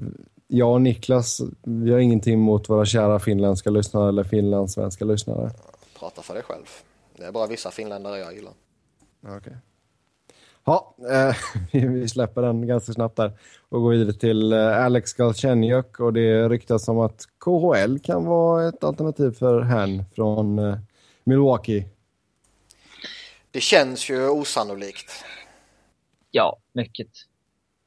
Eh, jag, jag, är osäker på vad det här ryktet eh, har, vad det har fått kommit ifrån liksom. Eh, men det var, media. det var ju någon som hänvisade till någon i närheten typ liksom. Eh, men jag vet inte, alltså det känns ju jätteosannolikt. Varför skulle han göra det nu när han bara står och vad ska man säga, står och stampar och väntar på att verkligen explodera liksom.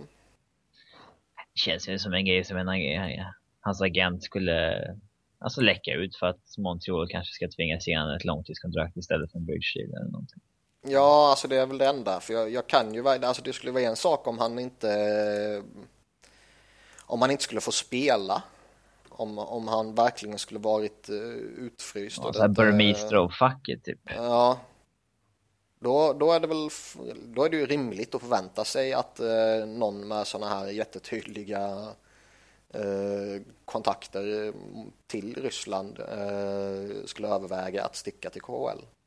Mm. Uh, vi kan ju dra hans backstory lite snabbt. Hans farsa är ryss. Är, var Sovjet. Uh, så Galchenyak är, ja vad blir det nu? Tekniskt sett vitryss. Ja, ah, vitryss blir det. Uh, och bodde i Ryssland när han var liten och sen flyttade han som tonåring till Nordamerika för att bli hockeyproffs. Mm. Mm. Uh... Nej, alltså det är klart att alltså, det känns ju jävligt suspekt. Alltså, jag menar även när man läser stories så står det liksom bara en uh, översättning från en rysk webbsida. Liksom bara okej, okay, ja. Det, det känns ju stabilt. Ja, men sånt är alltid, det är alltid lite skoj. Eh, och opålitligt. Ja, men sen det, ja, men sen det är svårt att säga också. Alltså vi, nu är inte jag jätteinsatt i rysk eh, ekonomi just nu. Ja, den är väl uh, jobbig. Jag vet, jag, vet, jag vet, att Robin, du följer ju den slaviskt där. Uh, Moskva-börsen och allting. Um, men alltså det, det verkar som att det har gått ganska knackigt nu ett bra tag och skulle den kollapsa så kan det bli rejäl spelarflykt från KHL då. Ja, men det har ju pratats om rätt länge nu. Att, uh, jag, jag vet inte om jag hade varit så jättesugen på att dra dit nu liksom. Nej, men det är som sagt, jag ser det som jätteosannolikt. Det... Alltså, han är en framträdande spelare för dem. Han snittade 16,25 under grundserien och så här. Så jag ser liksom inte... kommer inte hända helt enkelt. Nej. Nej. Move on. Mm. Nej, vi får se. Som sagt, det känns väldigt uh, otroligt att det skulle hända. Men uh, däremot en spelarflykt från KHL hade varit intressant. Det har blivit lite så. Kowalczyk kommer och hej, får jag komma tillbaka? Då skrattar Ron Hextall och säger nej. Det är en 40 man bredvid Crosby istället. Ja, ja, ska han komma tillbaka måste alla säga ja ju. Mm. Ja. Det var det jag menade. Ja, det blir nog svårt. Om de nu inte ändrar eh. efterhand, vilket de eh, ibland har de ju en tendens till att anpassa sig ut efter vad som eh, eh, kan vara bra för ligan liksom och inte vad man en gång har sagt. Mm. Jo, det är sant. Ja, vi går vidare till Columbus och där har man gjort Nick Foligno till ny kapten. Han såg väldigt glad ut på bilderna som släpptes idag. Ja, jag kan också se glad ut på bilder utan att mena det. Nej då, skämt åsido. Uh, det är klart att det är alltid skoj för folk. Och, ja, det var väl han eller Dubinski kändes det som. Mm, jag känner, det känns som att uh, det har varit lite för mycket strul med Johansen i kontraktsförlängningen så därför att, det, för att de skulle kunna liksom, utse han till deras liksom ja. franchise-ledare och lagkapten och så vidare. Uh, det, nej, det var väl rätt väntat. Mm, grattis till Foligno i alla fall. Sen eh, Jarmi Jagr har sagt att han vill spela i två säsonger till. Och... Eh, Vad säger han det för? Varför tar han inte bara en säsong i taget? Han kanske har uh, jätteskadeproblem i år liksom. Men han kanske känner sig så pass fräsch ändå att han kan säga att han vill köra två år till. Ja. Ja. Jag vet inte, uh, alltså han tränar ju, medan vi pratar så är han och tränar någonstans. Ja, det är klart han gör. Men eh, nej, alltså det är ju som vi pratade om för några avsnitt sen. Det vore ju sjukt coolt om han kan klättra ännu mer på eh, all time-listan. Och bara hamna tusen poäng bakom Gretzky.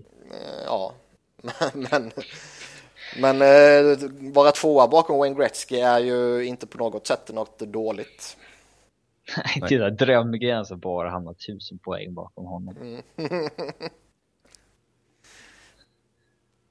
Så det, nej, det, var, det vore häftigt men... om han tar sig förbi både Gordie Howe och Mark Messier och, och klättrar upp uh, bakom Gretzky.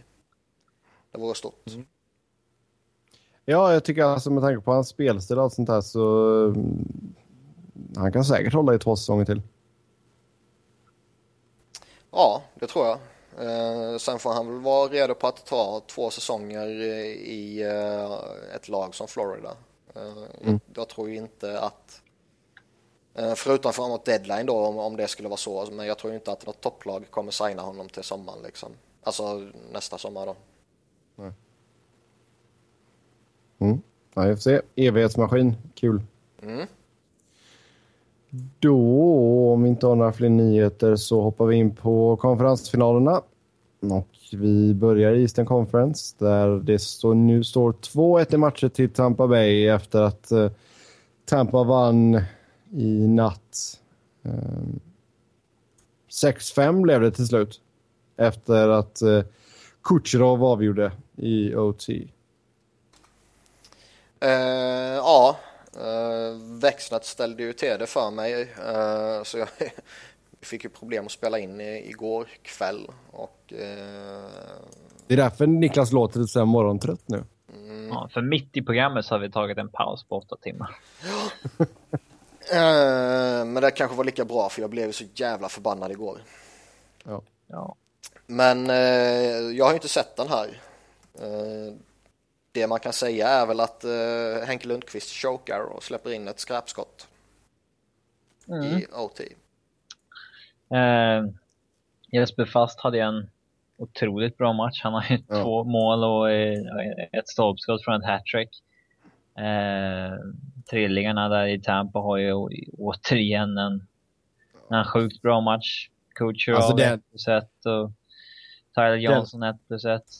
Den Alla. andra perioden Tampa gör här. Ja. Den var riktigt galen. Mm. Um. Nej, jag vet inte vad som händer med målvaktsspelet den här matchen. Det har ju varit på topp hela, hela slutspelet. Men här brakade det sönder och samman verkligen. Eh, nej, det var en jäkligt underhållande match på det sättet. Eh, mm. Med mycket försvarsmisstag och mycket offensiv briljans från, eh, från de som har dominerat i serien helt enkelt. Rangers tilltänkta djupspelare och och ja, den här kedjan då i Tampa. Vi, vi pratar mycket om Tampas djup, men det är för fan bara den här jävla kedjan som gör allting. Ja, de har väl gjort mer än hälften av deras mål här i slutspelet. Fast att de har gjort 25 mål för Tampa i slutspelet hittills. Ja. Det är ju... Av? Säck. Jag vet Vad, Hur såg Nash och San Louis ut? Eh, San Louis eh, var ju inte bra. Han var ju utbuad också. Eh, Nej, vad oväntat. Eh, alltså, och han buades ut så sällan så att det var liksom noterbart hur lite han hade pucken. Mm. Eh, Nash fick iväg sina första skott på mål i slutet på tredje, eller i mitten på tredje perioden någon gång. Och då eh, noterade jag för första gången att han deltog i den här matchen. Eh, så att, eh, nej, det var väl same old helt enkelt. Väldigt bra målskrik av eh, Dan Boyle när han kvitterar i alla fall. Han står på mållinjen, tar emot pucken, lägger in. Ja, bara vrålar ut. Mm, det är snyggt. Han började ja. också ut. Palat är bra på fyra mål också. Jaha. De lär sig det i sjunde rundan. Eller hur? ja, nej, men som, som du sa det Robin, jag tycker det var en väldigt, eh, alltså, väldigt underhållande match. Och det är ofta det när det blir 6-5. Ja, men det är en jäkla skillnad ändå. Jo, men jag kan uppskatta en bra 2-1 match också. Liksom. Det, ja, det, men eh, tittar du på 10-2-1 matcher och 10-6-5 matcher så brukar de, flera av de 6-5 matcherna vara roligare. Jo. Klart underhållande att se mål. Det, det, kan man ju inte säga emot. Mål och våld. Mm. Ja. Ja, vi får se vad som händer där. Nästa match är natten till lördag, svensk tid. Mm. Två Tampa. Mm, två Tampa och känns ju nästan lite som en must win för, eh, för Rangers här. Game 4. Uh, ja, det är väl inget lag som vill hamna i ett underläge. Men de vände det förra serien. Men eh, ja, det är alltid känsligt den här gången när man har... Det blir antingen 2-2 eller underläge 1-3. Det... Jo. Jo, speciellt mot ett lag som man har haft svår, svårt mot dessutom. Ja, Tampa är inget strykgäng. Det är därför de är... Nähä.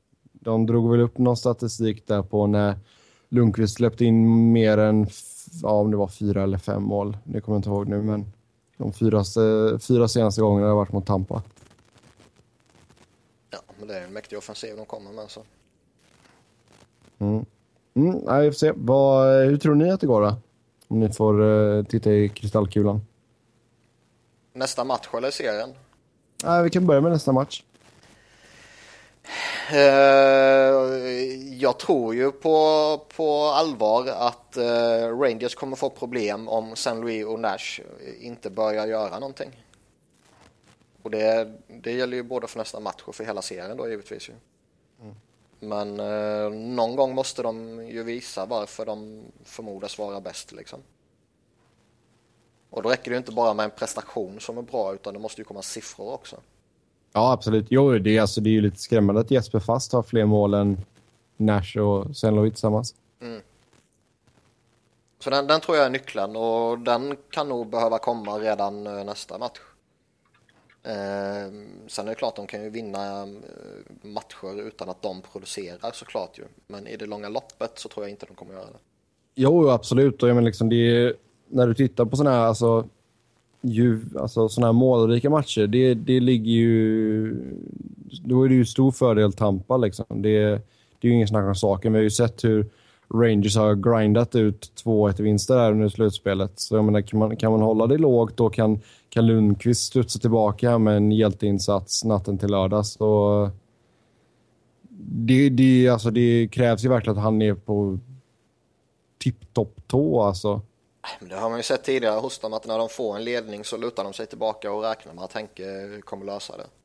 Mm. Många gånger funkar det och när det inte fungerar då förlorar de liksom. Nej, så jag tror kan man, kan man eh, kriga till sig en vinst här nu så då får jag nog tro att de kan reda ut det. Men gå Tampa och smiska på eh, Lundqvist en gång till så nej, då, då blir det för tufft. Jag har svårt att se Tampa tappa 3-1, det har jag. 2-2 mm. så är det givetvis vidöppet och det går inte att säga vare sig det ena eller det andra. Nej. Robin, har du några tankar? Jag tror Tampa tar det. Deras toppspelare är på topp, Rangers toppspelare är inte på topp. Men det ser inte ut att ändra på sig. Ja. Då hoppar vi vidare till eh, Western Conference och där står det 1-1 i matcher. Och eh, maratonmatch här nu senast i match två. Ja. Sent i tredje övertiden så kommer Robins lilla mancrush Marcus Kryger avgör. Ja. Då satte eh, Robin nästan pannkakorna i halsen. Nej, jag såg faktiskt. Jag såg inte den. Men... Uh, ah! Jag tänkte... Sjukt! Alltså äh. det, det om något var ju en spännande match. Ja, det brukar vara det när det blir triple OT. Men uh, av någon anledning så tänkte jag liksom när jag vaknade så här att Fan, tänk om jag missade ett OT-mål av Kryger nu eller något sådär. Sen så såg jag att... Eh, sen, sen såg jag att eh, jag hade en notification från Twitter där Niklas hade skrivit att ja, det skedde. Så då tänkte jag så här, fan har jag, har jag typ så här råk, vaknat och typ så här, ja, sett det. Söm, sömntittat på matchen? Ja, men liksom sett det på mobilen och sen så här somnat om liksom. Och sen liksom att det bara ligger kvar under medvetet. Eh, för det är inte ofta. alltså, krig avgör ju OT. Ja, nej, det hör ju inte till vanligheten. Uh, första matchen blev det 4-1 till Ducks. Uh, ja, det var väl lite missvisande, men alltså den här ja. matchen nu, match två, var ju alltså, sju, alltså sjukt spännande verkligen. Det är alltså, jag menar, Crawford, Corey Crawford går in och 60 räddningar. Det, man spelar ju två, blir... spelar ju två matcher. Jo, jag, menar det. Det, blir, det blir så sjuka siffror här egentligen när man, när man liksom tittar över det. Liksom Duncan Keith spelar ja, nästan 50 minuter. Men det som är sjuka är att det krävs eh, alltså triple overtime för att Kimmo Timonen ska göra säsongens tredje högsta istid. Alltså det är ju... Det är ju fascinerande och liksom Rundblad gick ju in i första matchen och var ju inte överjävlig direkt och nu var han petad i andra matchen här mot uh, mm. Komiski. Uh, och det är som, som, jag, som vi sa innan matchen drog igång, det är ett problem, deras tredje par. Ja, framförallt om de ska spela sex perioder per match. Alltså det är, är det något lag som inte gynnas av att de ska spela så här mycket så är det Chicago. Mm. Deras fyra vettiga backar går ju på knäna. De orkar inte. Alltså, vi kan ju dra den lite snabbt bara då. Keith spelar 49-51, Hjalmarsson 47-35, Seabrook 47-46 och eh, vad har vi Odoja där? 46-06. De spelar i princip 50 minuter var och sen så ligger Timonen och eh, Komiski på en vanlig tredje backparstid över en vanlig match liksom. Det, det, det, enda som gör att man kanske inte ska vara superorolig för Chicagos del det är att de faktiskt har vilat tio dagar. Mm. Så det är inte så att de kommer från en eh, supertufft slutspel redan. Utan de hade ändå en, en bekvämlig tid att ladda upp och, och förbereda sig och så här. Så ur ett kortsiktigt perspektiv så ser jag ju inte problem för dem. Alltså bara titta på hur mycket de här fyra måste spela. Mm. Eh, problemet finns ju däremot i att när de två andra, oavsett vilka två det nu än är, spelar så är de så pass mycket sämre. Ja, att de... Alltså, Cuban har ju svårt att coacha on the fly så att säga och kasta in dem när Getzlaff och Perry inte är på isen och sådär. De pratar ju mycket om det, kommentatorerna. Att liksom, oj, oj, nu är Timonen inne, nu vart det täckt i egen zon, aj då liksom. Mm. Eh, att de har ju verkligen tungt. Oh ja. Eh, det var inte kul att ja, jag stannade inte uppe till sjätte perioden, men det var inte kul att se Timonen i första perioden. Alltså, han var ju mobbad av Anaheim-spelarna. Liksom. Det, det, nej, det, det, är något som kan liksom fälla Chicago från att ta en tredje Stanley Cup-titel här på kort tid så är ju att de bara har fyra backar som är liksom... Jag, får, jag skrev det på Twitter häromdagen, jag får ju så jättestarka vibbar mot Flyers 2010. För det var, ju, det var ju liknande situation där man har fyra stycken riktigt bra backar och sen har du ett tredje par som du inte kan lita på någonting. Mm. Jag tror att det var en av anledningarna till att eh, Flyers inte åkade gå hela vägen. Och en tveksamt målvaktsspel av Michael Layton. Mm, givetvis. men, men jag, jag, tror framförallt att eh, i det långa loppet så tror jag det var just det här att man var tvungen att rida så fruktansvärt hårt på fyra backar och att de två, tre andra man snurrade på var så oerhört dåliga. Mm. mm. Ja, och var inte målvakterna helt skärpta i eh, Rangers Lightning-matchen så var ju båda målvakterna på hugget i den här matchen i alla fall, det kan vi lugnt säga. Eh, som sagt, 60 räddningar för Crawford och eh, 53 för Andersen. Ja, och det här är väl eh, alltså... De två bästa lagen, eller? Ja, på förhand känns det som det är ju. Nu, nu är man väl lite inne på att Tampa Bay när de om de lyckas rulla igång på fulla cylindrar och de har sin eh, trillingkedja och de har Stamkos i Stamkos-form och så vidare då, då kan de ju definitivt eh, gå upp i topp där ju. Mm. Ja, nej, vi får se. Match tre är eh, ja, natten till fredag, så... Eller nej, vad säger jag? Jo, natten till fredag. Det har blivit torsdag här nu. Um, så vi får se lite där. Vi ska inte snacka allt för mycket om den matchen med tanke på att beroende på när ni har detta så kan den matchen redan vara slut. Men uh, vad tror ni om fortsättningen av serien som helhet? Jag minns inte vad jag tippade eh, igen, så att... Uh... Jag har Chicago. Så pass vet jag. Ja, jag tror att jag har Chicago också, men jag, jag minns inte vad jag tippat. Men i dagsläget... Ja. Det kan ju mycket väl gå till sju matcher bägge serierna. Oh. Det, det tog tajt. Mm. Det är väl, eh, jag menar, pekar man ut svagheter i Anaheim eller petar ut eh, svagheter i Chicago så är det ju få saker i Anaheim som står ut lika tydligt som Chicagos eh, tredje par. Mm. Mm. Eh, Absolut. Jag tror tyvärr att det kan bli väldigt avgörande. Och jag ser väl det som det stora hotet mot eh, Chicago. Som Robin mm. var inne på tidigare. Eh, får de ordning på det och de lyckas hålla Getzlaff Perry och framförallt men eh, även Kessler borta från eh, ja, sitt tredje par. Då, då ser jag väl ja. fortfarande som att det är ett litet övertag Chicago. Jävla jobb att försöka hålla på med det. Oh ja, men det, de måste göra det. det. Ja. De kan ju inte bara rulla på och hoppas på det bästa, lite som, för det kan ju Anaheim göra. De kan ja. rulla tre bar på ju. Förutom att Stowe, ja. Ja, men han är ju inte på deras nivå ju. Nej. Nej. Han tacklas. Ja, men han kan, det han, det, nej, men, det han gör. Jag menar, han kan ju ändå spela och ja. inte oroa dig. Jo, det är sant. Även om han är sämst av de som spelar. Ja, jo, mm. men ändå. Mm. Ja, nej, vi får se. Vi får se. Det, de har väl legat i isbad här nu i 24 timmar allihopa. Mm. Eh, kan nog vara lite sega ben här i första ja, perioden i alla fall. När matchen tog slut var det väl 41 timmar till nästa match. Mm. Men då har de spelat mer eller mindre två matcher. Mm. mm. Nej, vi får se. Eh, tror ni att man sätter in Rundblad igen eller? Nej. De vann ju.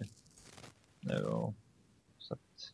Kumiski gjorde väl inte bort sig vad jag vet. Det var mer, ja, mer fokus på Timonen. För mig. Så att, eh... Och de verkar ju inte vilja att peta Timonen. Trots Nej, det är fascinerande. det, är uppe, det är uppenbarligen han som är deras sexa liksom. Men det är inte han som är på tal om petning. Det är, det är antingen Kumisk eller Rungdahl. Liksom. Ja. Han kanske, han kanske fick skit, eh, coach Q, när han petade Vermette och lite så här och petade Desjardins och lite sådär också. Att, uh... Men Timonen har de ju dessutom, måste de ju betala mer om han spelar. Han har han kommit upp på den siffran nu. Ja. Alltså... Man måste behöva spela hälften av matcherna. Och det verkar ja. vara totala antalet matcher man kan spela så att säga. Ja, så att... Uh, ja. Det är konstigt, tycker jag. Eh, hade de inte velat... Ja, de har ju... De, redan nu fastställa liksom att de betalar ett jävla överpris för Timonen. Oh, ja. eh, med tanke på vilken form han har visat upp. Så att, eh, att de inte då kanske satt honom vid sidan i slutspelet och försökte rädda prislappen lite kanske, kanske var dumt. Eh, Ja, eller så har man väl in i det sista hoppats på att ja, men vi behöver spela honom i form, typ. Jag vet inte. Ja, det är väl det, men... För det, det är märkligt, är det. Ja, vi... Eh, ja, ni, ja, ni får tippa lite snabbt då. Hur tror ni att det går? Nej, alltså jag tror Chicago tar det. Men uh, jag är ju inte jätteövertygad. Nej. Nej, jag håller med dig där. Sju matcher. Ja. Ja, vi rundar av programmet med att eh, snacka potentiella Conn Smythe Trophy-kandidater. Eh, vi kan väl gå igenom lag för lag och vi kan börja i Tampa. Mr Conn Smythe himself som de ska renama trofén efter nästa år. Tyler Johnson. Såklart. Ja, det... Inget annat, inget annat det är okej okay att säga faktiskt. Nej, jag tänkte säga det. Det finns väl inget riktigt alternativ att, att säga. Även om man är imponerad av Kucherov och Palat och, eh, och så vidare. Men nej, man kan inte säga något annat än Johnson. Har ni hört att han är odraftad? Nej, det visste jag inte. Mm, en, en, eller två gånger tror jag de nämnde det. Ja. Kan ju knappt säga hans namn när han har pucken utan att säga det. Tyler Undrafted Johnson. Ja, exakt. Eh, om vi eh, tar och kollar på deras motståndare då i New York. Det är väl Lundqvist skulle jag vilja säga. Ja. I brist på annat. Alltså han har ju varit jättebra såklart Lundqvist men det, det finns inget riktigt alternativ bland utspelarna. Fin, nej, det finns ju ingen som har stått ut på det sättet. Alltså både Stefan och Brassard har ju varit bra. Chris Kreider är ju bra men eh, de har ju inte varit på, nej precis, de har inte varit på den nivån. Nej. Och McDonough, han är alltid bra, men han har inte varit den här liksom... Inte så att han sticker ut som en... Att det, liksom, det händer ingenting bakåt när han är inne. Liksom. Mm. Eh... ja. Uh, över till väst då och uh, Anaheim. Eller Corey Perry känns det som. Ja. Ryan Getzlaff tätt bakom. Men jag håller ändå Perry som en favorit. Ja. Definitivt. Mm. Och sist men inte minst Chicago, Marcus Kryger. Scott Darling kanske. eh, det är väl Kane eller Taves som vanligt. Eh, det är väl en deras trio. Eh, Kane, Taves, Keith som... Vänta bara, det, Crawford, det, det, Crawford går in. Det är ingen av dem som har liksom Man kan, ju, man kan ju verkligen säga vilken målvakt som helst förutom Crawford. Ja. Alltså av de fyra som är kvar då. Ja, har man liksom petats minst en gång redan under serien så mm. då är man ju bränd. Då är man körd. Ja. Men om Chicago skulle vinna så är det ju den som är bäst från av Kane, Taves och Keith från och med nu som skulle få det. Att mm. de liksom de leder ju racet och, men ingen har liksom taken the ball och sprungit iväg med den. Mm. Ja, med det så rundar vi av för den här gången. Som vanligt så kan ni snacka hockey med oss via Twitter. Mig hittar ni på att Seb. Niklas hittar ni på att Niklas Wiberg, Niklas med C och Wiberg med enkel V. Och Robin hittar ni på R underscore Fredriksson. Så eh, tills nästa gång, ha det gött. Hej! Hej!